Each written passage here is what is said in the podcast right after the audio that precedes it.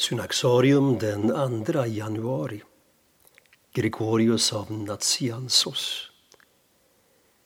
På 300-talet myntades uttrycket Teolog är den som ber i ande och sanning och den som ber i ande och sanning är teolog.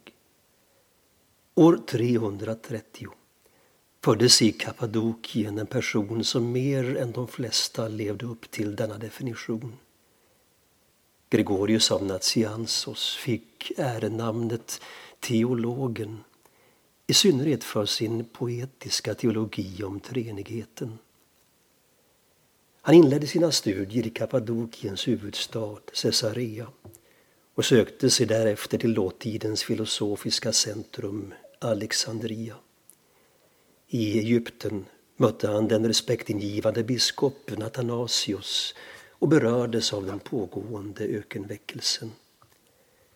Från Alexandria bar vägen till akademin i Aten där han ägnade sig åt kompletterande studier tillsammans med barndomsvännen Basileios.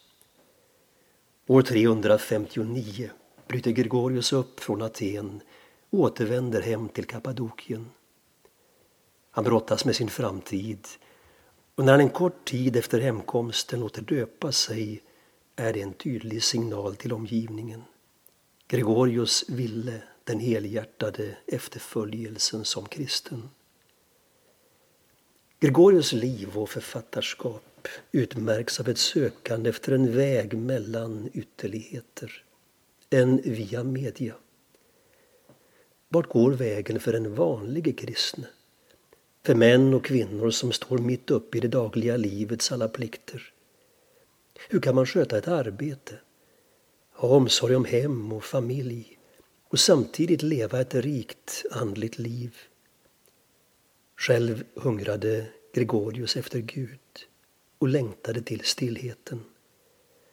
Men omgivningens förväntningar var av ett annat slag. I slutet av år 361 blev han motvilligt prästvigd i sin hemförsamling i Nazianzos.